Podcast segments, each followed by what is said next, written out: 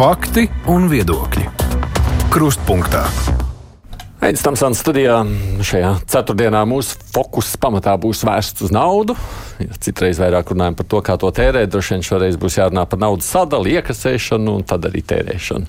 Finanšu ministrs Arvils Ašrādnis, kurš punktā studijā šeit. Uh, Labdien, jums saku. Labdien. Atbildot uz žurnālistu un klausītāju uzdotiem jautājumiem, šeit ir mani kolēģi Raivis Vilons, portāls Delfi. Labdien. Un Jānis Kins, Latvijas raidījos Indianists. Sveiki. Nu, klausītājs savus jautājumus aicināt sūtīt caur Latvijas radio viens mājaslapu. Tāda opcija nosūtīt ziņu raidījumam vai arī izmantojot mums WhatsApp aplikāciju tālruņa numurs 2566 0440.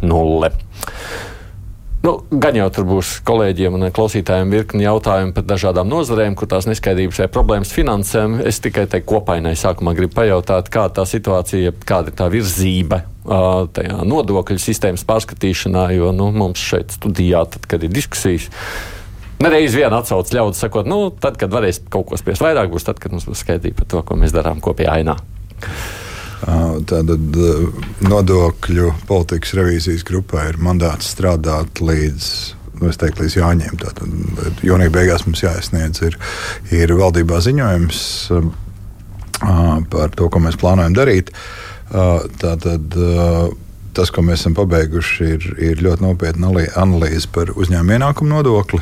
Mēs izvērtējam to, vai, vai Latvijai bijis pareiza politika atstāt uh, visu pēļņu uzņēmumu rīcībā, uh, neprasot nodokli par to līdz brīdim, kamēr izmaksā dividendes.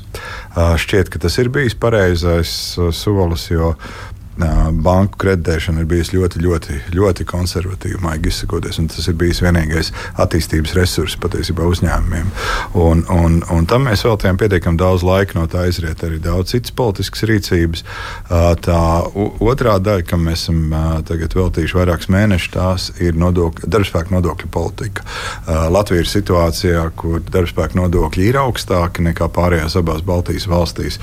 Un šobrīd mēs meklējam risinājumus, kādā veidā mēs varam varētu pietuvoties eh, Baltijas valstu risinājumiem. Nu, jāsaka, tas ir pietiekami nu, tā, eh, naudas ietilpīgs notikums. Nu, mēs pa, pašlaik mēģinām atrast veidu, kā tas vismazāk ietekmētu pārējos nodokļus. Bet nu, tā kopējā tā, nodokļu politikas loģika saka, ka nodokļi no darba spēka būtu jāpārceļ uz patēriņu. Nu, tas slavenais teiciens tiks kaut kādā mērā mazliet realizēts. Ja? Nu, tagad sākās tā, teiksim, pirms mēs tiekamies ar sociālajiem partneriem, tagad ir tāda vēl politiskā nu, koalīcijā diskusijas par labāko scenāriju. Uh, ceram, ka līdz nākamajai trešdienai mēs vienosimies un tad jau tiksimies pie tā. Tā ideja pati par sevi tajā virzienā iet. Ja? Absolūti, absolūti. absolūti. Nē, skaidrs, ka mums tas ir jādara. Uh, restīvi, tur ir uh, viens ir konkurētspēja, otra lieta, uh, protams, ir darbspēka deficīta dēļ. Mums saglabājas ļoti liels spiediens darba auga pieauguma.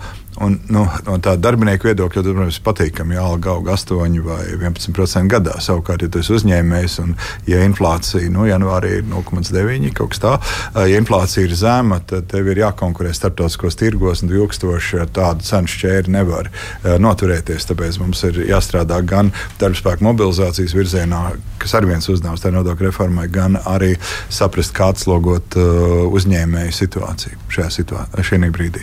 Mm -hmm. No, apmēram bilde skaidra, bet tas uh, ap vasarā būs zināms gan publiski tas piedāvājums. Es domāju, ka viņš ātrāk būs. būs uh, Restīvi, mēs esam tajā fāzē, kad uh, notiek ekspertu diskusijas. Eksperti tagad sēž ar politiķiem. Politiķi vajadzētu finalizēt uh, nākamnedēļ. Tad, ja mēs pārējām jau, es domāju, tas jau būs ar sociālajiem partneriem diskusijas. Tā kā, tā kā tam jau dom... nākošajās nedēļās būtu jāparādās. Nākamajās nedēļās, es domāju, tie dizaini varētu nākt ārā. Un kā šajā kontekstā izskatās tas, ko nozaru pār pārstāvi saka, pagājušajā nedēļā zemkopji viena no piecām prasībām bija par šo pazemināto PVN.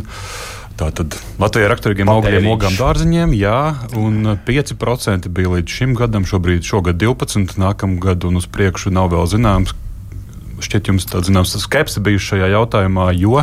Man nav skepse. Tur ir nu, jāatrisina viena lieta. Es jau mēģināju arī saimā to skaidrot. Ir, Restīvi, lielākā daļa šī nodokļa labuma, labuma ir mums jāsaprot, kā veidojas labums nodoklim. Viens ir, ja ir nodokļa likme ir 21%, tad jums ir jāpiemaksā pēc būtības nu, par pievienoto vērtību. Ja ir 12%, tad tas ir neitrāli. Jūs atskaitiet priekšnodokli, un tad jums veidojas neitrāla pozīcija. Ja tas ir 5%, tad nodokļu maksātāji jūs subsidē. Jums ir tiesības atskaitīt priekšnodokli, bet jums nav nekas jāmaksā pašam kā nodokļu maksātājam. Nu, lūk, un šī nodokļu subsīdija patiesībā lielākā daļa, uh, kā mēs saucam, Latvijai raksturīgo dārzeņu, iet caur lielveikalu ķēdēm. Un lielveikalu ķēdēs, tas, ko mēs esam redzējuši pēdējos četros gados, mēs esam pamatīgi subsidējuši importu, un tie galīgi nav Latvijas ražojumi. Tur ir nāk no Polijas, iekšā no visām pasaules malām, un mēs, protams, esam atvieglojuši viņiem tirzniecību, jo mēs esam samazinājuši nodokļus. Uh, tas, kas ir, kur es piekrītu, mums ir uh, samērā vājš sektors, viņam ir vajadzīga palīdzība, un tas jau mēs arī to bijām gatavi pašā sākumā veidot programmas, lai iedot iespēju Latvijas tā teikt. Um, dārzeņu un augļu audzētājiem atspērties. Tur, tur nav šaubu par to, lai to darītu. Nu, lūk, tā labā ziņa ir tā, ka ir, ir pēc lielas kliēkšanas vienam uz otru, ir, ir beidzot apsēdušies eksperti no nozares un finanšu ministrijas pārstāvot, lai saliktu skaitļus. Tad, tikko mēs tiksim skaidrībā ar skaitļiem, mēs meklēsim risinājumus, kā nozarei pašai kā tādai tikt uz priekšu. Tas, man liekas, būtu daudz iedzīgāk, jo, jo nu, tāda vispārēja nu, nodokļu subsīdija importam, nu, man nešķiet pieņemama. Mēs visi atsaucamies uz kaut kādām kaimiņu valstīm, citām Rietumē Eiropas valstīm, sakot, ka lūk, tur visur ir tās pamazinātās likmes, un tāpēc mums arī nu, ir. Nu, nu, es, zinu, es zinu, ka restorāna asociācija nāk un saka, arī vajadzētu, tā nu, tikko Lietuva atceļ, un valsts pēc, valsts pēc viena pēc otras sāk atcelt, un, un sāsinoties drošības situācijai, kurā mēs meklējam naudu visam, kam, kas tik, kam tik mums nav vajadzīgs, tik ar vien tiek pieteikti jauni drošības projekti, gan militāri, gan arī iekšējai drošībai. Nu, saprotiet, nu, šobrīd nav tā, ka mēs varam tādu masīvu nodokļu atlaides dot. Nu, tas nav iespējams.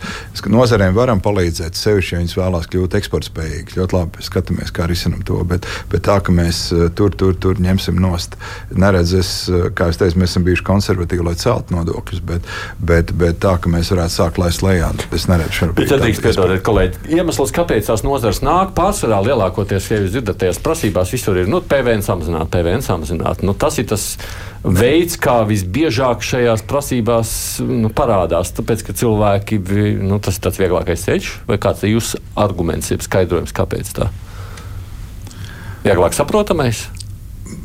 Nu, Nu, droši vien nu, tas ir tāds, nu, nav nodokļi. Nu, teiksim, nodokļi ir, protams, daļa no problēmas. Nu, man ir tagad manam uzņēmēju darbībai jābūt pietiekami efektīvai, lai es varētu samaksāt arī nodokļus.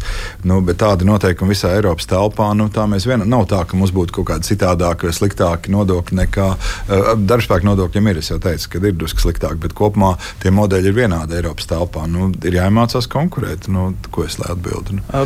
Bet vai tas nevarētu būt? Būt saistīts arī ar tiem citu atbalstu modeļu sarežģītību. Jo arī nu, tas, ko mēs dzirdējām pie, no zemniekiem par sūdzībām, tas, ka ļoti sarežģīti dažādi atbalsta modeļi, atskaišu modeļi un tā tālāk. Vai varbūt tas varētu būt tas, ko Aits arī min, ka tas ir nu, tas vienkāršākais, ko nozara var paprasīt, nu, samaziniet PVN, tāpēc ka pieteikšanās visiem tiem atbalstiem uh, birokrātiskajā sistēmā ir pārāk komplicēta. Uh. Varbūt, ja mēs runājam par uh, Eiropas projektiem, nu, protams, arī Eiropas projekta saņēmējs ir diezgan, arī zemnieku gadījumā, diezgan satraukuši repo aktivitātes. Mēs redzam, jo arī pašvaldību līmenī attiecībā uz industriālo zonu projektiem mēs dzirdējām diezgan, diezgan skaists notikums. Pašlaik līdzīgi tas arī notiek. Uh, notiek uh, notiek arī lauksaimniecības sektorā, kur ir, ir, ir, ir zemkopības ministrija atbildīga par to, šo projektu. Latvijas ir atbildīga par šiem projektiem. Tas dara, rada, protams, stresu un tā. Bet, Piekrīt, mēs, esam, nu, mēs skatāmies būvniecību, tagad mēģinām saprast iemeslus, kāpēc kreditēšana tik maza. Nu, Tallina, Tallinā, Viņā, vismaz runājot ar bankām, kas strādā visās pilsētās, nu, visā Baltijā. Nu, Rīgā ir uh, saskaņot uh, un pabeigt un nodot būvprojektu, tas prasa vismaz četras lielāku laiku. Kā, nu, tas ir pēc maksimas, jau redzēt, tur ierēdniecības reakcija ir bijusi pietiekami uh, skarba un tā tālāk, bet nu, ekonomika tas neveicina. Nu, mēs ļoti daudzās lietās, ja par birokrātiju runa, jā, tā ir, ir, ir, ir diezgan skarba. Jā. No klausītājiem par šiem ienākumiem, ja tēriņiem runājot, viens klausītājs raksta, nu, kur vienkārši mums vajag izdienas pensijām pielikt gadus, jo tā jau arī ir ņirgāšanās par pārējiem, kam jāgaida 65, kamēr citu lūk. Nosakot to, ka šo vajadzētu arī kompleksu likt klāt. Es varu piekrist, mums būtu izdienas pensiju sistēma vispār jārevidē un jāpārliecinās, kam mēs viņus piešķiram. Uh, Uh, tas ir viens, un otrs ir jā, tas nobriedzis jautājums par to, ka izdienas pensijas arī būtu līdzīgi kā bija vispārējā pensionēšanās reforma, arī izdienas pensijām ir, ir, ir būtu jāpalielina tas pensionēšanās vecums. Droši vien tiem, kam ir piešķirts un tie noteikumi ir skaidri. Tā būtu viena lieta, bet, eh, bet, bet pārējiem tiešām būtu jāpārskata, vai vajag, un, un vecums būtu jāpagarina. Jā. Bet nu, šis vienmēr ir palicis tādā varbūtības izteiksmē, gadus 11, cik jau šeit mēs kruspunktā vada raidījumus. Nekad nekas, nu, mēs sakām, jā, nebūtu jau slikti, bet neviens jau to nedara. Jūs gribat izspiest datumu, kad Nē, mēs gribu, sāksim es sarunu. Es gribu jautāt, tad, kurš par šo vispār atbild? Nu, vienā brīdī Latvijas ministrija mēģināja, tad tur zin, nu, valdības maiņas. Es, jā, tā atbildi tā, ka tas jautājums sadalīts ir eh, kultūras ministrijai, iekšlietu ministrijai, aizsardzības ministrijai dažādiem resoriem. Uh, ir kopumā uh, šobrīd ir, ir valsts pusē, valsts kancelējai ir sagatavots ziņojums. Uh, apskatīsimies, kurā brīdī mēs tam varam pieķerties. Tas varētu būt šī gada, šī gada jā, lielais jautājums jautājums. Katrā ziņā no manas puses tas tiks virzīts. Jo, ja mēs gribam tikt galā ar budžetu, tad tas ir liels jautājums. Mm. Jā, tad, tad varam, ja nav iebildumi, pāriet pie maniem mīļajiem kapitāla tirgiem. Otrdien strateģiskās vadības komiteja vienojās uz valdību virzīt tātad finanšu ministrijas ziņojumu par šiem kapitāla tirgiem un par val, kapitāla sabiedrību virzīšanu uz šiem tirgiem.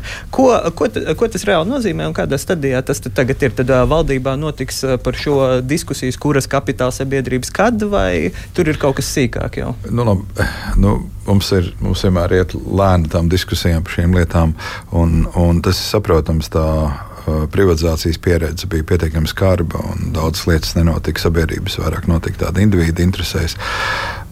Tātad tas svarīgais ir šis politiskais cikls iezīmēs to, ka tā vienošanās ir, ka valsts kapitāla sabiedrības varētu virzīt uz, uz fondu tirgu. Tad uh, nākamais ir arī šī jaunā valdība, kas ir vienojusies, ka to darīs. Nu, tagad paliek jautājums, kā. Nu, tā tad ir, ir primāri mēs skatījām jautājumu par Latvijas energo meitas kompāniju. Tad pārskatījām, vai tā taktika attiecībā uz uh, vēja parkiem vai arī veidot uh, ar zaļo enerģiju saistītu kompāniju, līdzīgi kā uh, uh, Igaunijas Enefit rīkojas, Enefit Green. Mhm. Uh, tā uz valdību mēs esam ar piedāvājumu veidot līdzīgu veidu uh, uzņēmumu, kas ir, ir atbildīgs par zaļiem projektiem, par vēja, vēja, uh, vēja turbīnām, saules parkiem uh, un iespējams arī citiem risinājumiem, kas ir zaļā enerģijā. Tagad tas ir viens. Jā, no finanšu ministrijas puses mēs neredzam nekādu problēmu, kādēļ abas telekomunikāciju kompānijas nebūtu biržā. Te mums ir uh, konflikta attiecības ar otru akcionāru, Tēliju. Uh, skaidrs, ka mums ar viņiem ir jārunā, kādā veidā tā lieta attīstās. Jo Tēlija redz, ka tās ir viņa Latvijas filiāls un punkts. Vairāk neko viņiem nevajag. Uh, mēs redzam, ka tās abas tehnoloģiju kompānijas var attīstīties ļoti labi arī ārējā eksporta tirgos, un, un šeit mums tas konflikts ir jāatrisina. Tad mēs varam virzīt virzīties uz priekšu. Vēl viena liela debata būs par um, būvniecības sektoru. Pašlaik būvniecības sektors ir tādā no nu, ļoti sliktā stāvoklī dēļ, um, dēļ karteļlietas. Mhm. Ļoti daudz kompānijas ir ir, ir, ir nu, tādā ļoti sliktā finansiālā stāvoklī. Vismaz valsts pusē mēs redzam ļoti, ļoti liels problēmas. Ir, paldies Dievam, pabeigts tagad jaunais Rīgas teātris, tur konto bija iesaistīts. Tad ir sāga ar velvi un, un stradiņa slimnīca, kur ir no nu, slimnīcas saka, pietiek, nozīmē pietiek, un tad meklējam risinājumu, kā tikt ārā. Uh, Iekšlietu ministrijai ir, ir, ir ar veselu rindu centriem, kuri vienkārši pamesti, puspabeigti, pusretā un, un tā tālāk. Un tas, ko mēs meklējam, risinājumu, ir iespējams, ka tam piederošā kompānija Citrus varētu tikt virzīta arī uz, uz kapitāla tirgu un arī ar zināmu valsts iesaisti. Mēs varētu virzīties, veidot lielu būvniecības kompāniju. Tas ir Eh, tad ir, protams, Air Baltica, kas jau ir zināms, jau šī gada beigās jābūt kapitāla tirgu. Un um, tad ir uh, šķiet liela gatavība ir uh, pašu, Rīgas pašvaldības uh, kompānijām, ir Rīgas namsaimnieki, saka, viņi gatavi kaut rītā.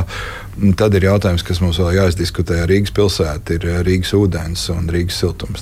Tie ir tie uzņēmumi, ko mēs skatāmies, ka šobrīd varētu virzīties uz nu, kapitāla tirgu. Rīgas izpilddirektors gan izteicās, ka tas nekādi nevar būt pašmērķis un tas nav tuvāko divu gadu jautājums. Uh, ir, tā viņa reakcija ir saistīta ar to, ka nāk pašvaldību vēlēšanas un uh, viņi raudzītos piesardzīgi uz to dēļ politiskās situācijas. Savukārt, ja mēs raugamies uz Rīgas pašvaldību kapitāla sabiedrību kapitāla vajadzībām, nu, viņas viņas ir iespaidīgas. Visām viņām ir, ir, ir tas kapitāls attīstībai vajadzīgs, ir, un, un tur ir simtos miljonu eiro. Un, un šis ir risinājums biržā, ir tieši tas, ko mēs arī meklējam. Vai drīkst saprast tā, ka pieņemsim tajā brīdī, jo nu, bieži vien pašvaldības nu, meklē valsts aizdevumus, valsts kases, ja meklē aizņemšanos. Nu, tā kā varētu izmantot kā tādu arī spiediena elementu, sakot, nu, tad, ja jums vajag naudu, iet uz biržu, nevis nāciet pie kases.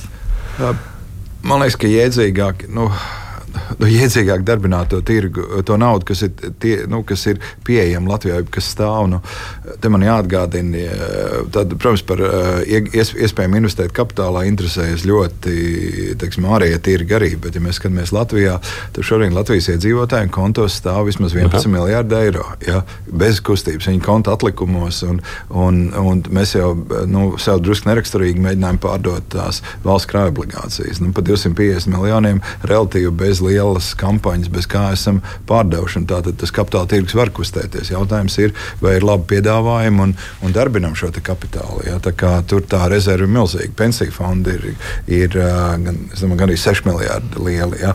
Tā kā tā, mums pašiem valstī ir milzīga kapitāla rezerve, ja? kā, kuru var tikt darbināti jau ekonomiski.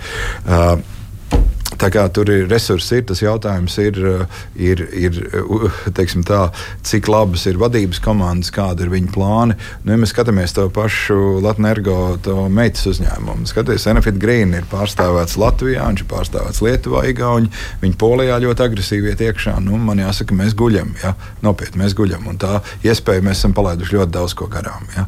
Un, un, un šeit, ja mēs runājam par ekonomiku, nu, tā, tā ir viena no atbildēm, kāpēc mēs atpaliekam. Ja? Mums ir jābūt daudz ambiciozākiem ambiciozākām komandām, kuras vēlās augt. Un, man liekas, tajā bankas konferencē es noformulēju to vārdu. No prezidents teica, valsts griba, es gribu teikt, augt griba. Ja? Nu, jā, ne, jā, nu, mēs varam čunčināties te pa mājām un, un varam arī iet ārpusē un strādāt. Un, un, un iespējas ir milzīgas. Ja? Tiešām ir vajadzīgas idejas un, un risinājumi, tehnoloģijas, inovācijas un jāiet uz priekšu. Savādāk nekāda uzplaukuma nebūs. Mhm. Bet daži tomēr ir pašpietiekamāki. Šķiet, no Latvijas mobilā telefona šefs Binskungs eh, vēl, vēlreiz nesen pateica, ka neredz īsti jēgu no šī soļa un ka biržā iegūtā nauda esot dārgāka nekā teiksim, kreditējoties vai tam līdzīgi. Šķiet, bija vēl daži argumenti, kāpēc viņš ir diezgan pret šo ideju. Un ne jau pirmo gadu. Jā, droši vien. Nu, ir Es vēlreiz, nu, tā ir augstgrība. Nu, ja tu vēlēsies šeit patās vietu vietējā tirgu, ļoti labi. Tā pašā laikā Bindas kungs ir diezgan nelaimīgs par to, ka uh, partneri aizliedz darboties vienā projektā, otrā projektā, trešā projektā. Nu, uh, ir, Bindas kungam ir savi argumenti, kādēļ, uh, tos, kādēļ viņš to saka, un es to pašlaik neapspriedīšu. Raugoties no Latvijas loģikas, ir skaidrs, ka tas ir augsts tehnoloģiju uzņēmums, kas ar, ar labām zināšanām ļoti daudzās lietās, kuri var varētu ļoti labi startēt ārpus Latvijas un iet uz priekšu. Šeit ir tas biznesa ir ierobežots. Mobilē telefona tirgus ir izveidojies, viņam ir brieduma fāze, tad nekāda liela brīnuma nenotiks. Ja? Nenopietni, mēs tas tirgus, tam tā kapacitāte nav rūta. Paņemiet kalkulātoru, sarēķiniet, kas te ir. Ārpusē ļoti daudz tehnoloģisku notikumu var notikt, kurā tu vari iet ārā, startēt, konkurēt un meklēt risinājumus. Tās eh, kaut vai minējuši LMT risinājumu drošības, eh, drošības sfērā. Pašlaik ir milzīgs pieprasījums. Ja? Savukārt tēlē tas vispār neinteresē. Ja? Punkts. Ja? Tā kā, un, un kamēr tam mēs netiekam pāri, tās kompānijas netiks. Pastāties, tetu, tetam ir Vācijā biznesa, viņi uztaisīja to pašu uh, citrus solution būvniecības biznesu, kas aug ļoti strauji. Partneri saka, nē, šis mums neinteresē. Ja? No Latvijas valsts viedokļa augoties interesanti, ļoti labi, ļoti labi notikumi. Ja? Tā kā mums tas ir tas akcionāru konflikts, bet tam jātiek pāri un, un atradīsim risinājumu, iesim uz priekšu. Un es vēlreiz gribu, tā, tā ir tā augsta griba. Mēs kaut kā ļoti te lokāli pa Latviju uh, esam, gribam ņemties darbojas. Latvijā ļoti, ļoti mazs tirgus. Ir mūsu interesē visi tie, kas grib iet ārpus eksportēt un strādāt. Un, un potenciāls tajās abās kompānijās ļoti liels. Mm. Bet tā tad sanāk, nu, tad, tad politiskā līmenī ir šis atbalsts, ko jūs arī esat iepriekš minējuši, bet tad sanāk, ir. izskatās, ka šeit šajās kompānijās ir partneri un arī varbūt arī valdes un vadītāji, kuri, kuri ir tagad opozīcijā šim. Jā, tagad mēs esam vienojami, politiska koalīcija ir vienojusies. Tagad nākamais sākās ļoti daudz tādu dažādu darbu. Viens, piemēram, ir valsts. Pārvaldes likumā ir laikam, 83. pants, kas saka, ka valsts tikai ļoti īpašos gadījumos var iet uh, tirgu iekšā uh, un darboties komerciāli. Un, un šī arī viena lieta, kas mums ir jāizdiskutē ar, ar sociālajiem partneriem, īpaši darba devējiem, jo tas kopējais ieskats ir, nu, tad lūdzu, uh, valdībai ar biznesu nevajadzētu nodarboties. Nu, tā ir viena diskusija, vai mēs kapitāla tirgu attīstam vai nē. Un, un, un, uh, uh, ir Bits kungam pieteicis šo diskusiju, un, un tā tiek ar šo galā. Vēl ir valsts kapitāla kapitāla sabiedrība pār, eh, pārvaldība. Mums ir laikam vairāk simti, viņi ir pār pa simtu. Un, uh, tur ir dažādas no valsts pilnīgi atkarīgas, daļēji atkarīgas un pilnīgi brīvā tirgu. Šeit arī ir jāizveido dinamisks pārvaldības, jeb dinamiskāks pārvaldības modelis, kurā mēs redzam, ka kapitāla sabiedrība ir kapitāla sabiedrība. Ja. Protams, mēs nesagaidām no slimnīcas tur peļņas rādītājs. Slimnīcai jādara savs darbs. Bet, kā jau teicu, jau telko, kom, no tās telekomunikāciju kompānijas jau darīja pilnīgi citu darbu. Un viss pilnīgi tirgu bāzēts. Tur, Tur, ir, eh, tur var būt pilnīgi citi risinājumi. Ja? Aviācija, uh, tas pats ir jāskatās, kas tālāk notiks ar Connexus Baltic Grid un tā tālāk. Tā ir, ir... Tas ir skaidrs, bet tas, ko kolēģis saka, nu, iespējams, ka tās valsts ir pieradušas strādāt jau daudzus gadus tā kā ir, un tagad jūs nākat jā. ar kaut kādu revolūciju. Precīzi, tā, tā, tā tas ir. Jā, un tur, tur jums ir taisnība. Ir, visi ir pieraduši mierīgi, mums te viss forši un klusi un mierīgi dzīvojam kā, kā ierasts, un, un tas aicinājums šobrīd ir mainīties un realizēt to potenciālu, kas tur ir iekšā. Un kāds ir tas nu, sviras? Nu, tad mēs mainīsim valdes, at, atpirksim no partneriem šīs daļas, ja partneri nevēlas atbalstīt to, vai ir kaut kādi citi mehānismi, ko mēs varam darīt. Uh, nu, viens ir skaidrs, ka mums ir vajadzīgi menedžeri. Uh, kas spēj radīt pievienoto vērtību. Un, nu, šeit var ļoti labi skatīties, kā ir. Es viņu saucu par Enefit un Ignitis paradoksu. Leži bija ļoti aktīvi, un Ignitis tas viņa energo aiz, aizsūtīja uz biržu. Un, nu, vadības teiksim, tā, varbūt neveikluma dēļ tā akciju vērtība šobrīd ir uh, 60, laikam, uh, no, bāzes vērtība ir 1 eiro, tagad ir 0,6. Ja? Uh, savukārt Ignitis komanda, kas strādā, viņa akciju vērtība ir 1,3. Ja? Tātad viņi ir audzējuši to uzņēmumu vērtību, un, un, un viņi tiešām ir ļoti agresīvi un taktiski rīkojas pareizi, strādā inovatīvos segmentos. Un, protams, ka tās vadības komandas būs izšķirīgas. Ja. Bet tas biznesa ļoti transparents. Uh, tajā, uh, uh, Enefit Green ir vairāk kā 60 tūkstoši akcionāri. Ja. Pamēģini tur kaut ko noslēpties vai taisīt joks. Ja. To tūlīt pamanīs. Tur būs ļoti liela ekspozīcija uz to. Tā, kā, tā, kā tā ir pilnīgi jauna situācija, un tas prasa laiku mainīties gan publiskajā sektorā, gan arī, gan arī uzņēmējdarbības metodēs, kā tiek strādāts akcijas kapitāls esam izrunājuši. Iet uz citu tematu. Lai būtu klausītājiem arī pāris jautājumu, tāpēc skatāmies no tā. Sindija raksta, ka trīs bērnu mamma šobrīd māmiņa algas un kredītprocentu upurus auklējot trešo meitiņu prasa nodokļu maksātāju skaits, taču strauji arī krīt tajā geometriskā regresijā jau gadiem. Vai nav īstais laiks tomēr vairāk līdzekļu atvēlēt demogrāfijas jautājumiem, citādi drīz nebūs, kas mums vairs maksā algas un pensijas? Uh, um Nodokļu, nu, jā, nu, iedzīvotājs skaits, jā, ja tādā ziņā nu, arī ar darbu nu, teiksim, strādājušo skaits arī ir tīri jau zem 900 tūkstošiem, kas ir, ir kritiski. Uh, ir, ir tas, ko es varu pateikt, ka mums ir. Uh, ir jārisina neatliekamas problēmas darba tirgu. Ja mēs skatāmies, nu, nu, teiksim, tā, tā ekonomiskā loģika vienmēr ir ekonomikā līdzsvara. Tad vajadzētu būt tā, ka mums ir pie, pie 1,8 miljoniem iedzīvotāju vajadzētu 900 tūkstošiem strādāt. Mums šobrīd ir 888 laikam pēdējais. No tā starpība būtu jāatrod, kā nosegt. Tur ar demogrāfiju to mēs neizdarīsim. Bet uh, Sintīs kundzes jautājums ir pareizs. Ir, ir tomēr mums ir, ir, no nu, jau ir, tā ir viena no fundamentālajām fundamentālām valsts attīstības problēmām, demogrāfija kā tāda. Arī pašlaik tie ģeopolitiskie apstākļi nepalīdz ģimenes uzmanīgi ar, ar, droši vien rīkojas ar lēmumiem, papildināt ģimeni. Ir, ir, ir jādomā par šo jautājumu. Man nav pašlaik atbildes uz to. Nu, tā vēl viens jautājums savukārt no Normunda. Mēs tikko runājām par valdes locekļiem, viņu spējām reaģēt uz izaicinājumiem. Viņš savukārt jautā par pašu ministriju. Valsts sekretāra Bārņums tur amatā kopš 14. gada, ministrs pagarināja amatā viņu vēl uz pieciem gadiem. Valsts, kas vadītājs amatā kopš 2006. gada, tur vien citu vadītāju no 2011. Vai tas veicina jaunu un izglītotu cilvēku piesaistes sektoram, ja vadība stagnē krēslos? Nu, attiecībā, ja mēs droši vien jārunā par katru konkrētu vadītāju, mēs uh, skatāmies uz valsts kasi. Ir, ir, es varu teikt, ka tas ir viens, viens no. Viens no labākajiem vadītājiem, kas mums ir arī reģionā. Jo, nu, skatoties, tur ir jāpārfinansē miljardos lieli vērtspapīru, vērtspapīru darījumi. Un, un vismaz strādājot kopā, ir, es redzu tur ļoti, ļoti augstu profesionālitāti. Un, un es esmu ļoti priecīgs, ka valsts rīcībā ir, ir tik augsta, tā, tik augsta līmeņa banķieris, kāds mums ir Abolinkungs.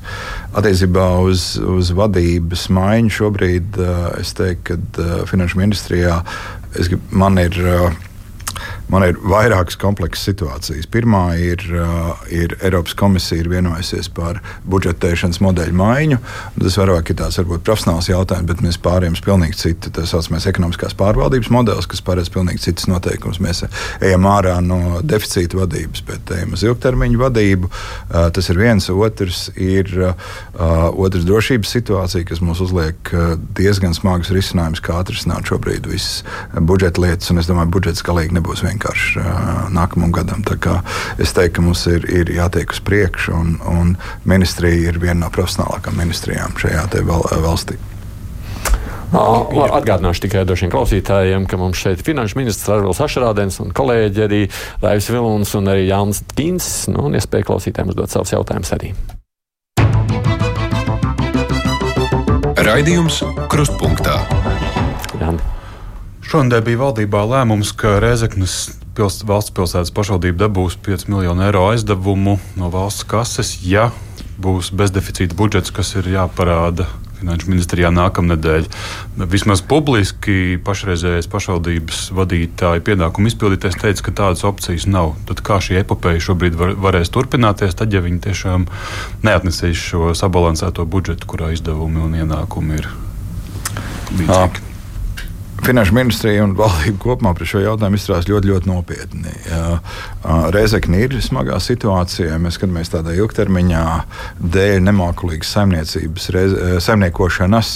Reizeknas attīstība ir atmesta atpakaļ pa kādiem desmit gadiem, es teiktu.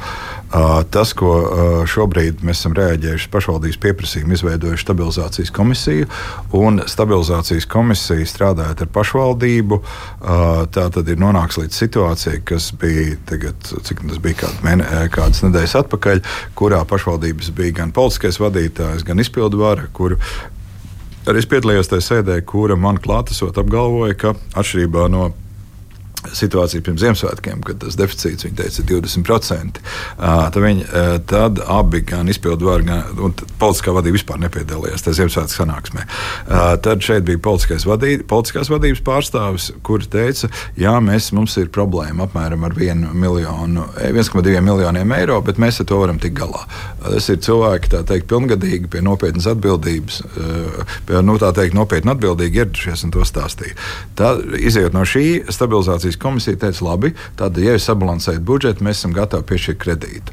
Un atcerieties, tas kredīts arī ir 5 miljoni, un pašvaldībai, kurai uh, ir budžets zem. Uh, 50 miljoniem. Es vēl nezinu galējos ciprus, bet nu, tuvāk 50 miljoniem. Tie ir gandrīz 10% no, no, no, no gada budžeta. Ja? Un, un, tātad, ja, un, tie, un, tā, un tos kredītus piešķīra, lai sektu maksājumus, kas uzkrājušies no iepriekšējās saimniekošanas. Nu, lūk, um, nu, uh, šodien trijos ir uh, pēc stundas, pusotras stundas, tūlīt būs stabilizācijas komisijas sēde, nu, būs pašvaldības pārstāvji klāt. Nu, klausīsimies, ko viņi saka. Es ceru, ka viņi izturēsies nopietni par šo jautājumu. Ja? Uh, jo tālāk tā situācija kļūs nu, grūti prognozējama. Ja viņi saka, ka viņi to nevar izdarīt, tad mums jāklausās, kā viņi, kā viņi plāno tikt galā ar savām funkcijām. Tas nozīmē, ka varētu arī būt darba kārtībā jautājums par tās pašvaldības politiskās atbildības uzņemšanos, vai nu, īsi sakot, vai vadības maiņu vai ko tamlīdzīgu. Nu, es negribētu mētāties ar šādiem paziņojumiem. Mums ir svarīgi saprast, vai pašvaldība spēja funkcionēt un spēja nodrošināt tos pienākumus, ko likums viņiem ir noteicis. Ja mēs konstatēsim, ka viņi nespēja to darīt, tad mēs lemsim, kā rīkoties tālāk. Un... Kādas ir opcijas? Opcijas ir visdažādākās. Ir uh, stabilizācijas mehānisms un veids, kā uh, darbojas finanses. Nu, tad ir, protams, arī tas, ko jūs sakat, tā ir vēl viena alternatīva. Jā. Bet šis stabilizācijas mehānisms tika pieminēts jau pašā startā, kad šis stāsts sākās pagājušā gada vasarā. Tā, jā, jā, tas nu, stabilizācijas mehānisms ietveros ir izdarīts, ir milzīgs darbs. Ir, ir ar laikam, sešām grāmatvedībām ir tikts pie vienas vai divām, lai saprastu to situāciju, kāda ir pašvaldībā. Eh, iedomājieties, neviens auditors nav piekritis auditēt Reizeknas gada pārskatu. Neviens. Mums Latvijā ļoti daudz auditoru un dažādi skatās dažādām lietām. Tie, tie cilvēki nepiekrīt. Nu, tad tur, tur ir kaut kas tāds, kas viņiem liek domāt, ka viņi negrib to darīt. Ja?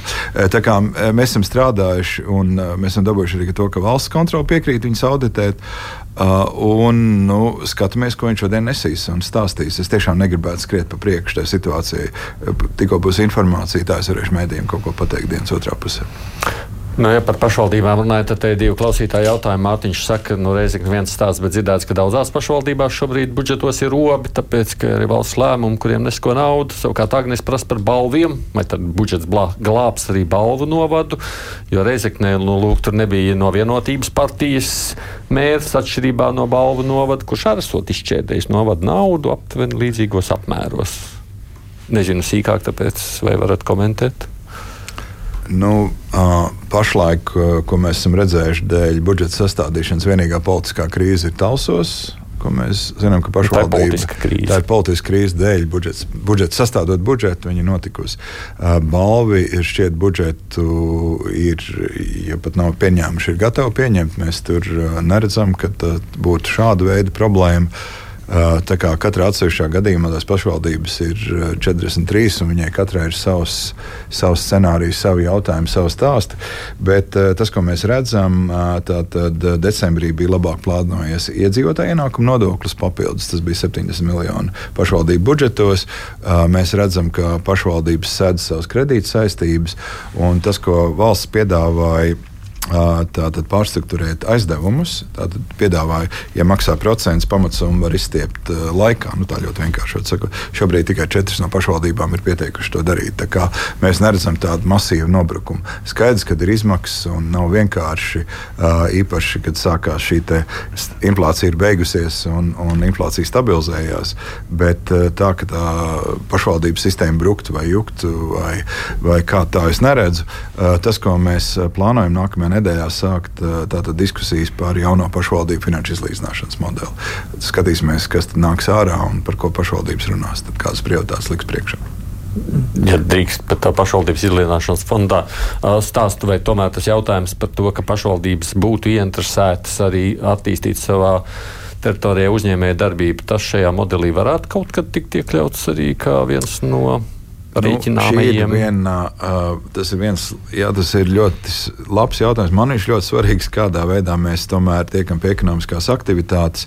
Uh, tā, ja mēs skatāmies tā vispārējā teorija, saka, izlīdzināšanas modelis ir veids, kā mēs izlīdzinām finanses un nodrošinām bāzes funkcijas. Uh, reģionālā politika ir tā, kas stimulē uh, ekonom, ekonomisku aktivitāti. Bet ir dažādi viedokļi. Katrā ziņā uh, tā ideja par to, ka mēs varētu daļu no iedzīvotāju ienākuma nodokļa pārdalīt pēc darba vietas, viņi ir vērtējami.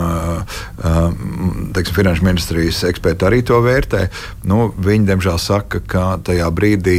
Uh, nu, pietiekami daudz naudas pārvietosies uz centru, un uh, reģionos paliks tā dzīve vēl grūtāka. Tā kā, tā kā šis ir jāvērtē, un uh, mēs esam plānojuši sarunu ar OECD ekspertiem par šo, kādā veidā to darīt, kas ir tie pareizie instrumenti, kā stimulēt vienu vai otru lietu. Jo tā, tā pārbīde ir acīm redzama, jo pietiekami daudz cilvēkiem, kuriem ir dzīves vieta, ir uh, ārpus Rīgas, vai viņi nedēļu brauc strādāt, vai kā savādāk to, to es tā nevarēšu pateikt. Bet, bet karā ziņā mēs redzam, ka tā nauda uz pārvietosies uz pierīgu un, un tā problēma reģionos neat, neatrisināsies. Bet jautājums, protams, paliek, kādā veidā mēs varam stimulēt pašvaldībās ekonomisko aktivitāti. Es redzu, Liepāja, Valmiera ļoti pārdomāti iet uz priekšu, un tur notiek ekonomiskie notikumi viens pēc otra. Savukārt, ja pašvaldības uzdod jautājumu, cik jums ir darba vietas novadā, Kas, lūdzu, tas nav jautājums tāds, kas būtu politiskajā darba kārtībā vai dienas kārtībā. Kā var veicināt nodarbinātību? Ne, nu, to viņi tā īsti nezina. Nu, tas ir liela, liels, uh, liels mīnus un, un pietiekami daudz tādu pašvaldību, kuras vienkārši par to tas, tas nav mūsu jautājums. Jā, es uh, gribēju pavaicāt īsi par uh, Maskavas uh, nama pārņemšanu. Uh, proti, nu, šis uh, process notiek, vai ir kaut kādi jau aprēķini par to, uh, cik uh, varētu ja šo namu izsolītu saņemt, vai vispār ir interese par šo ēku, jo tas ir tas viens jautājums, kas ir parādījies, ka, nu, jā, ir uh, pārņemts, uh, teorētiski varētu izsolīt, bet vai kāds viņu pirks, vai tas būs viena no tām valsts nekustamo īpašumu izsolēm, kur atkārtojas ik pēc uh, perioda, un tad beigās ēka tiek pārdota pārdot pēc viestmaize? Tātad šobrīd mēs esam procesā, kur mēs apvienojam nekustamā īpašumu ar zemi. Kas, tā, tas bija divi dažādi īpašnieki. Valsts bija īpašnieks un nams bija piederēja citam īpašniekam. Tikko tas būs izdarīts, tad uh, es saņemšu ātrā vērtējumu. Es mhm. šobrīd neesmu saņēmis ātrā vērtējumu.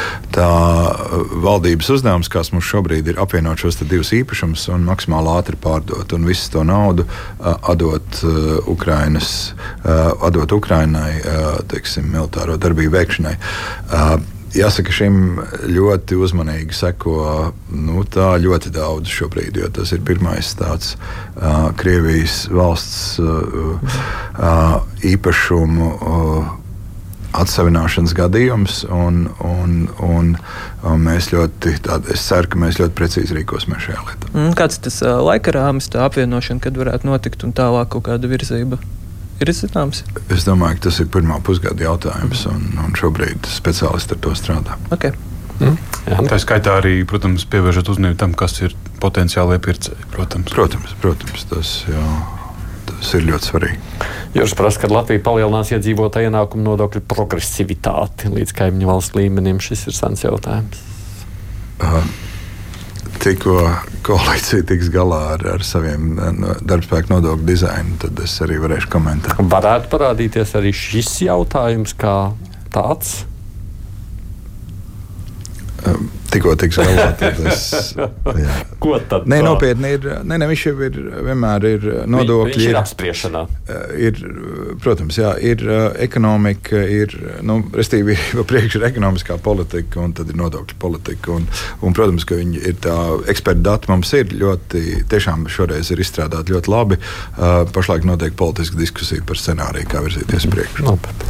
Labi, kolēģi. Jā, par uzņēmumu kreditēšanu izsniegtiem kredītiem. Arī pagājušā gada izskaņā bija viena no atbildīgās saimnes komisijas sēdēm, kurā tika runāts, un Finanšu ministrija, tā skaitā jūs un jūs kolēģi, prezentēja datus par to, ka mēs vidēji no Eiropas Savienības atpaliekam pa 5 miljardiem uzņēmumiem izsniegtajā kredīti, ja tagad nemaldos. Kāda ir virzība un kādi ir plāni, nu, lai mēs varētu šo atvieglot, lai mūsu uzņēmumi attiecīgi varētu tikt vieglāk pie naudas, un tad tas attiecīgi droši vien sajiet kopā ar to altumu jautājumu arī? Uh, tā, tas, ko mēs rādījām, viņš, tas ir teorētisks vingrinājums. Mm -hmm. Tā ir, ir uh, tas, tas saucamais equity debt ratio, tas ir uzņēmuma aktīva un parāda attiecība, un tam veidojas koeficients. Ja mēs salīdzinām vidēji Eiropas koeficientu, tad tā starpība ir pietiekami liela. Uh, tagad dažādas institūcijas kalibrē, cik tas cipars varētu būt, bet pilnīgi droši mēs varētu teikt, ka tirgu nepietiek vismaz uh, pāris miljārdu eiro, lai tiktu aizdot uzņēmuma rīcībā, lai tā nauda būtu. Uh, tas, ko mēs šobrīd darām, mēs šodien pirms pirms nāca uz rādio, man bija tikšanās Altumā. Tad mēs diskutējām par tiem scenārijiem, kas saimā izskan, teiksim, valsts banka. Un, un tā kontekstā mēs vairāk diskutējam ar Altumu, kā var Altums, kā valsts finanšu institūcija, daudz agresīvāk startēt ar finanšu piedāvājumu. Tātad tā gan ir kreditēšana, gan arī dažādas citu veidu programmas, piemēram, riska kapitāls un, un aktīvu ieguldītāji un tā tālāk. Tā, tālāk. tā, kā, tā ir viena līnija, otra līnija šobrīd. Teiksim, Finanšu ministrijas komanda, mēs Finanšu ministrijas komanda tiekās atsevišķi ar lielajām bankām un mēģina saprast, kāda ir viņu plāna un kas, kas ir lietas, kas traucē uh, uh, pietiekami aktīvi kreditēt. Arī šo sektoru mēs gatavojam uh, tam, lai šī naudas plūsma tirgu palielinātos. Mm -hmm. Vai ir jau izskanējuši kaut kas no šīm lielajām bankām? Jo ie, iepriekš tā runājoties, ir uh, radies tas priekšstats, ka lielajām bankām nav pārlieku interesanti, jo viņām ir diezgan liels risks izsniedzot šos kredītus. Viņiem ir ļoti daudz pārbaudas jāveic, ir ārkārtīgi nu, tas liels uh, atkal birokrātiskais sloks, un tāpēc viņām ērtāk ir sniegt mazāk, vieglākus izsniedzams pakalpojumus? Nu, tātad šeit arī sākot ar, ja atcerieties, bija šī finanšu krīze dēļ naudas atmazgāšanas, mm. AML krīze, kurā mēs nonācām, tā teikt, monivālību uzraugu vissliktākos iespējamos sarakstos, plus vēl uh, amerikāņu FinCEN rezolūcija. Uh, Tātad, attiecībā uz Monivolu mēs šobrīd esam iesnieguši iesniegumu un sākās pārbaudas, lai mēs tā teikt, laikam no, 11, ne, no 12 pozīcijām 11 bija sarkanas, lai mm -hmm. stabilizētu, būtu zaļas. Tur perspektīva izskatās ļoti laba. Arī finanšu izlūkošanas dienas saka, ka tas process iet ļoti labi. Un, tad mēs esam uzsākuši gan, gan premjeras līmenī, gan arī finanšu ministra līmenī un Latvijas bankas līmenī tātad procesu, ko mēs sauktu uh, deriskinga samazināšanas stratēģiju. Tātad, kurā brīdī mēs varam padarīt banku, uh, samazināt šo spiedienu uz uh, AML procedūrām un atvēr, padarīt bankas teikt, atvērtākas kreditēšanai. Bet bez tā viss eksistē ļoti daudz jautājumu darba kārtībā par finansēšanu. Tur tie ir visdažādākie. Piemēram, skatījāmies nekustamā īpašuma sektoru. Latvija uzbūvēt kaut ko un nodot ir būtiski ilgāki laiki, un šeit ir birokrātija. Eh, tieši tāpatās ir, eh, ir Latvija un tiesas sistēma. Ķīlas devējiem ir, eh, ir, ir restīvi ķīlas turētājiem, ir, ir, ir bankai kā aizdevējiem realizēt ķīlu ir ļoti sarežģīti un tas iet ilgi un, un tā tālāk. Un tā tālāk tā ir ļoti daudz detalizētu, detalizētu pro, problēmu, kas tiek uzrunāts, un mēs viņu vienu pa otrai risinām. Bet lielākais ir šis, te, šis te riska stratēģijas samazinājums, spiediena samazinājums un, un birokrātijas mazinājums mazināšanu sektoram. Mhm. Garāks jautājums droši vien nolasīšu tā, kā ir rakstīts, cik nu varu paspēt. Latvijā nodokļus labprātīgi pārsvarā maksā daži ārzemju starptautiskie uzņēmumi, valsts arī pašvaldību kapitāla sabiedrības, bet ir mums taču tūkstošiem dažādu cijā, kas nemaksā nodokļus, bet maksā aploksņu algas. Kā pie šādas situācijas var runāt vai domāt, ka vidi būs uz servisu vērsta iestāde? Jo sanāk, tad, kad tūkstošiem vidi ierēģi strādās ar dažiem godīgajiem, kā Svetbanka vai Rīgā vai tādi, un tad tie daži simti nodokļu muitas policijas darbinieki ar desmitiem tūkstošu vietiem sijā, no kuriem daudz tur ir krāpnieki un noziedznieki. Um teikt, ka Latvijā nav aploksņa augas, pilnīgi noteikti es nevaru. Uh, ja mēs skatāmies to ainu kopā un uh, mēs analizējam ēnu sektoru, tad uh, valsts ieņēmuma dienests šobrīd ir pietiekami labi ticis galā ar PVN schēmām, un tos, kā viņi to vērtē, saucās nodokļu plaisa. Un, uh, tas rādītājs ir viens no labākajiem, vismaz reģionā, un, un, un tur ir, ir, ir kārtībā arī akcijas, ir, ir akcijas situācija, ir tiek kontrolēta mums eksistē jā, tā nodokļu plājas, ir pietiekami liela IN un, un, un uh, sociālās iemaksās. Arī valdībā ziņojot par ēnu plānu, tas mans uzdevums ir bijis samazināt šo būtiski. Nu, es ceru, ka pa ceturto daļu mums nākamo gadu laikā vajadzētu tikt galā. Nu, šodien arī būs ar finanšu izlūkošanas dienas sanāksmi. Runāsim par to, kā to darīt. Un, un metodas ir diezgan skaidrs. Bet tas jautājums ir par to, ka Lūk, Vits tagad būs uz servisa vērstais, tā tad ar labiem strādās, un tad sliktais būs nodalīts no viņa. Ir, nē, nē, bet nekur jau nepazudīs finanšu policija.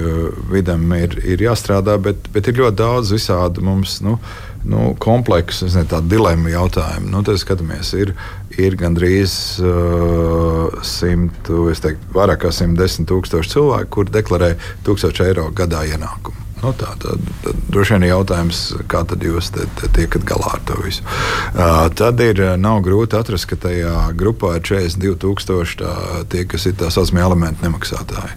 Mēs šobrīd esam sabiedrībā radījuši uz viņiem tādu spiedienu, uh, ka rezultātā viņi nemaksā ne to parādu, ne arī ir uh, legālajā ekonomikā. Nu, 42,000 cilvēku, kas staigā apkārt un piedāvājas uzņēmējiem, to arī uzņēmēji saka, nu, ir, ir reāls spiediens uz uh, vienam ir vēlme dabūt to darbinieku, un tad viņi piekrīt eh, maksāt viņiem aplaukšņa algas. Savukārt tiem cilvēkiem pēc tā, kas paliek viņa rīcībā, viņi saka, nu, tā kā, uh, tad labāk tā. Ja?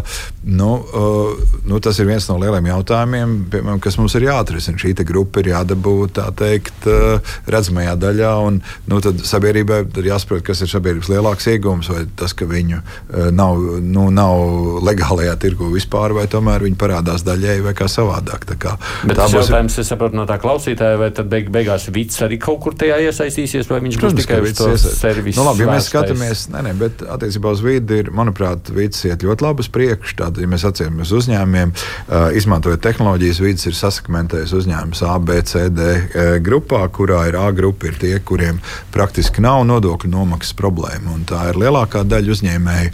Un tad ir B grupa, kurām ir daļējas problēmas, C grupa, kur ir nu, tad, Un tad, attiecīgi, vidam ir plāni, kā strādāt ar C segmentu un, un kā no B segmenta dabūt pietiekami daudz uzņēmējus augšā B grupā. Tur, tur plāni ir diezgan skaidri un, un, un, un, un tur patiesībā tehnoloģijas ir tās, kas atrisina visas šīs lietas. Nu, Es jau esmu liekas, teicis publiski, nesen viesojos Helsingos, Somijas valsts ieņēmuma dienestā, nodokļu administrācijā. Nu, mākslīgais intelekts dara tādus brīnumus, kad uh, Tur tiešām ir Somijas likums, laikam, saka tā, ka uh, lēmumu attiecībā uz cilvēku var pieņemt tikai cilvēks. Ja? Nu, bet tur, skatoties, uzdodot šos uzdevumus uh, mākslīgā intelekta robotam, tiek atrisināti praktiski visi jautājumi, kas ir valsts ieņēmuma dienesta interesēs vajadzīgi. Ja? Hm. Jā. Jā, man ir viens jautājums, drusku no citas operas nevarētu nepajautāt.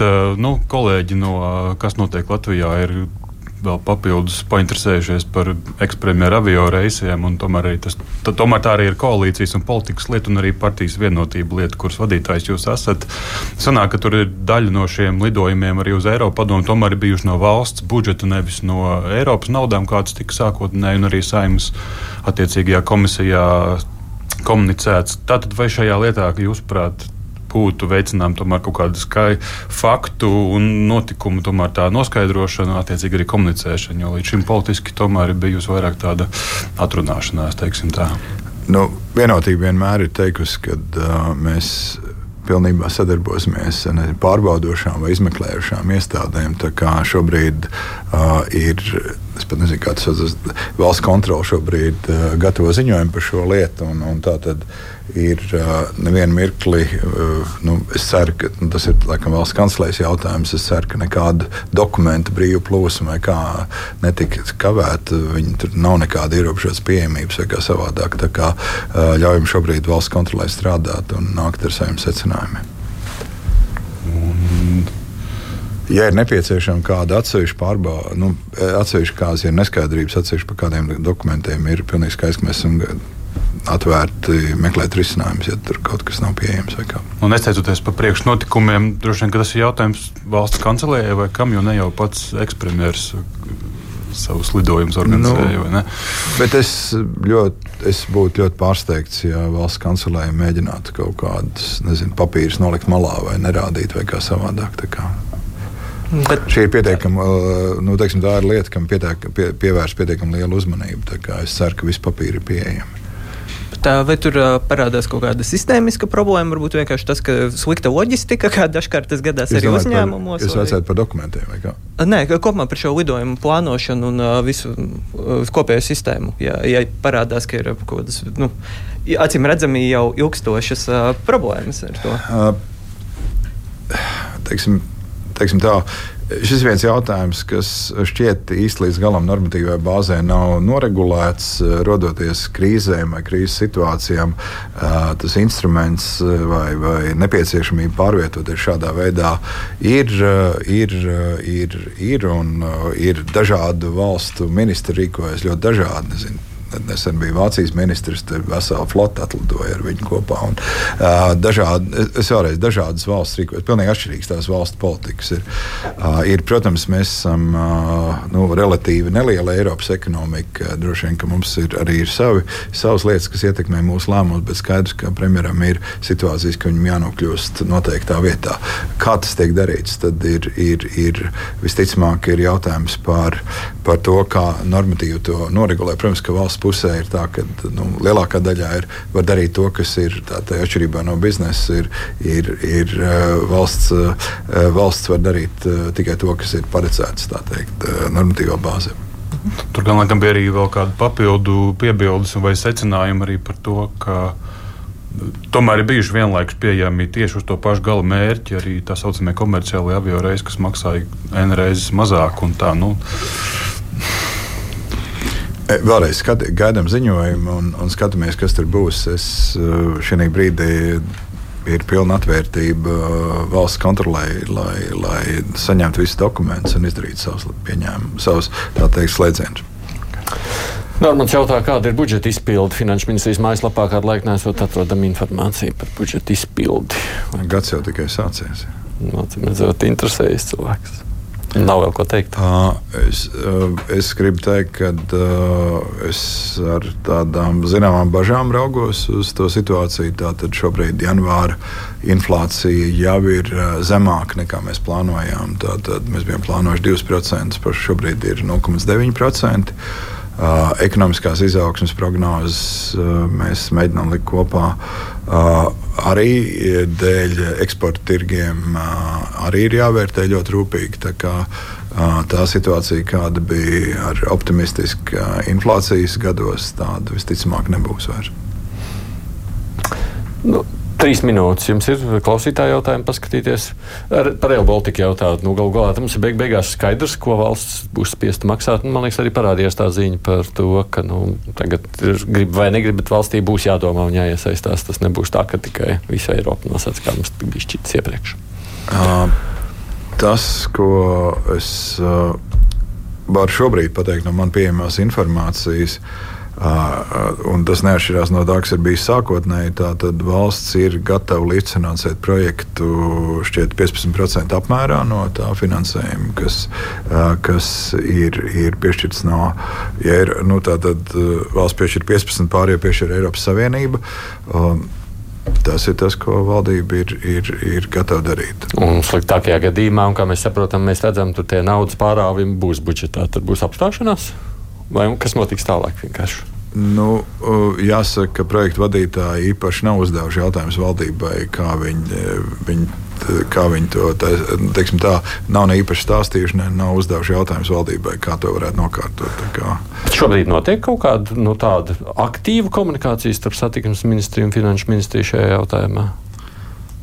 Es domāju, ka aktīva komunikācija iestāsies tajā brīdī, kad mēs sāksim budžeta sarunas. Plānoju šogad viņas sākt ātrāk, jau, jau pavasarī. Tā kā es ceru, ka tajā brīdī būs vairāk informācijas. Šobrīd satiksmes ministrija pie jums tā nemaz nenāk un neraujas uz sarunām. Ja? Pareizi saprotu. Es pieņemu, ka tie jaunie vilcieni aizņēmuši, aizņēmuši daudz laika. Ir, jā. Bet uh, ir, ir daudz citas lietas, un, un vienkārši tikko mēs sāksim budžeta sarunas, tad tas būs liels dienas kārtības jautājums. Budžeta sarunas notiks kopā paralēli ar šo finanšu, ko, nu, jaunās nodokļu sistēmas uh, ieviešanu, vai tās būs vēl nesaistītas ar nākamā gada budžetu? Uh, Protams, jā, bet, eh, bet mēs sāksim. Mums ir pietiekami daudz jautājumu, eh, kādā veidā varētu viena vai otra ministrija rīkoties ar līdzekļiem, un, tad, eh, un arī kas ir ministrija vajadzības, un arī jauna ekonomiskā situācija, jaunā budžeta situācija. Tā kā mums ir pietiekams pamats sākt daudz agrāk sarunas. Finanšu ministrs Arvils Ašrādens, arī kolēģi Raivis Vilons no portāla Delfijāns Kīns Latvijas raidījos intereses. Paldies jums, ka atnācāt šeit uz radio atbildot uz jautājumiem, kas bija gan klausītājiem, gan žurnālistiem. Nu, ko nu paspējām, protams. Rīt, kā jau atkal ierasts, mums piekdienās nedēļas aktualitātes vērtēs žurnālisti. Nu, droši vien tā galvenā nedēļas ziņa ir bijusi saistīta ar gan esmu, nu jau jāsaka, bijušo, bet iepriekšējā sasaukuma saimnes deputāta, Rīgas domnieku un dažādu citu amatpersonu izsludināšanu starptautiskajā meklēšanā, ko nu, šajā nedēļā mēs uzzinājām, ir izdarījusi Krievija. Bet nu, droši vien parunāsim arī par Eiropas parlamentu vēlēšanām, par ko mums nepaspējām pagājušā reizē runāt iesniegtiem sarakstiem, un gan jau arī vēl citas ziņas būs, ko pārunāt rīt, skatoties nedēļas atskatā. Bet kruspunktā šodien līdz ar to izskan producenta raidījumam ir Ieva Zēza, un studijā sarunu vadīju es Aidis Tomsons.